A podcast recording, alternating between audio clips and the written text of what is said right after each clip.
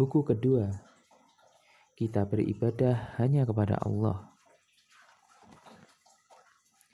Hanya kepadamu kami menyembah dan hanya kepadamu kami meminta pertolongan. Surat Al-Fatihah ayat kelima. Di waktu yang lalu, kita telah menyebutkan bahwa Allah menciptakan segala sesuatu. Ketika seseorang berbuat baik kepada kita, kita pun harus berbuat baik kepada mereka sebagai bentuk ucapan terima kasih. Contohnya, saat mereka meminta kita melakukan sesuatu, kita akan melakukannya untuk mereka. Ibu melakukan banyak hal baik untuk kita. Beliau sangat baik dan merawat kita di kala kita sakit. Kita pun menyayangi ibu dan melakukan segala hal yang beliau katakan. Allah memerintahkan kita untuk bersyukur kepadanya. Allah telah memberi kita banyak sekali kebaikan, lebih banyak daripada yang mampu kita hitung. Allah memberi kita mata, telinga, dan banyak hal lainnya di tubuh kita. Dia memberikan apa saja yang kita butuhkan.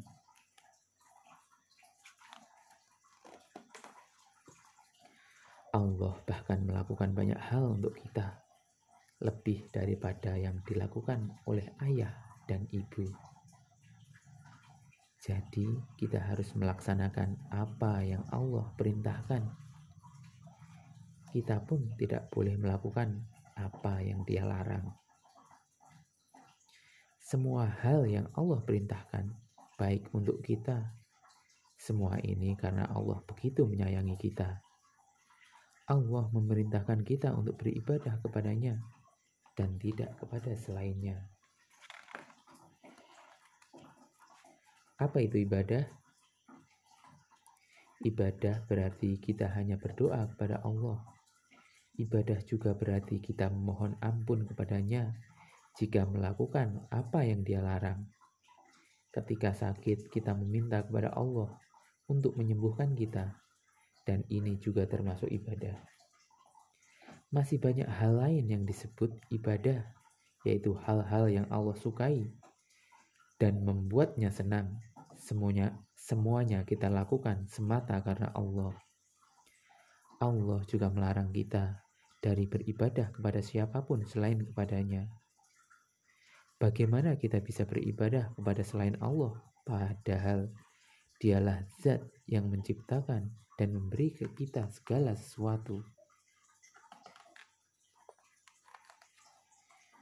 Bumi, matahari, bulan, hewan, makanan yang kita makan, keluarga kita, semuanya Allah yang menciptakan semua ini. Dan kita pun mencintainya.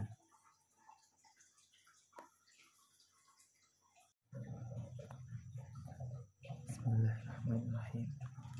Buku pertama. Siapa yang menciptakan matahari dan bulan?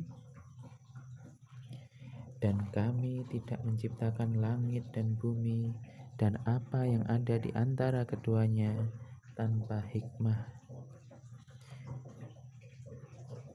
Shot 27. Shot 27. Maksudnya surat shot ayat yang ke-27. Pada malam hari kita bisa melihat bulan dan bintang. Pada siang hari kita bisa melihat matahari. Saat memandang ke langit, kita bisa melihat bintang dan awan. Di bumi, kita bisa melihat hutan, laut, dan berbagai binatang, dan banyak lagi hal lainnya. Saat memperhatikan sekitar kita, kita juga melihat banyak gedung, mobil, dan mesin.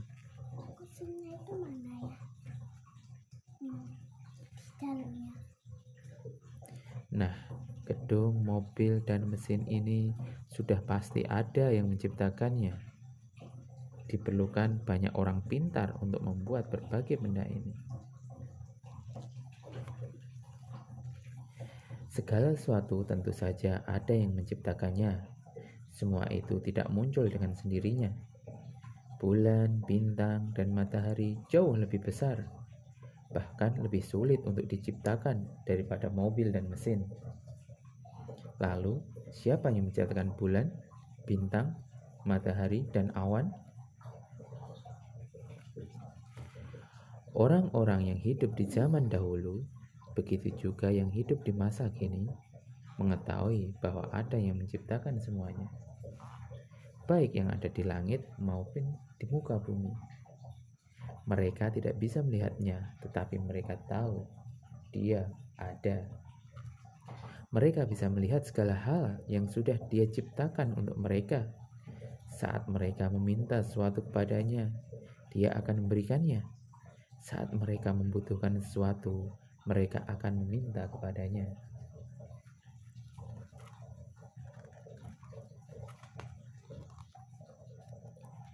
Di dunia ini, orang-orang berbicara dengan bahasa yang berbeda-beda. Mereka tinggal di belahan dunia yang berbeda-beda pula. Mereka mengetahui bahwa ada zat yang istimewa yang menciptakan semua hal ini untuk kita. Dalam bahasa Indonesia, orang-orang menyebutnya Tuhan. Tetapi sebagai orang muslim, kita meyakini bahwa pencipta segala sesuatu adalah Allah. Allah yang menciptakan kita dan menciptakan hal-hal di sekitar kita. Hal ini tidaklah sulit baginya. Allah mampu melakukan segala sesuatu sesuai kehendaknya. Semuanya mudah bagi Allah. Allah memberi kita semua hal yang kita butuhkan. Misalnya, hujan yang akan menjadi air minum kita Allah menciptakan matahari yang membuat kita merasa hangat dan membuat tanaman dapat tumbuh. Allah memberikan kita makan. Allah memberikan kita makanan yang tumbuh dari tanah sehingga kita bisa makan. Dia memberi kita banyak sekali kebaikan, tidak terhitung jumlahnya. Namun ingat, Allah meminta kita untuk melakukan beberapa hal untuknya. Ya, beberapa hal itu apa? Kita pun harus melaksanakan apa yang Allah perintahkan. Dengan cara itulah kita bersyukur kepadanya. Jadi caranya bersyukur kepada Allah kita menaati perintah Allah.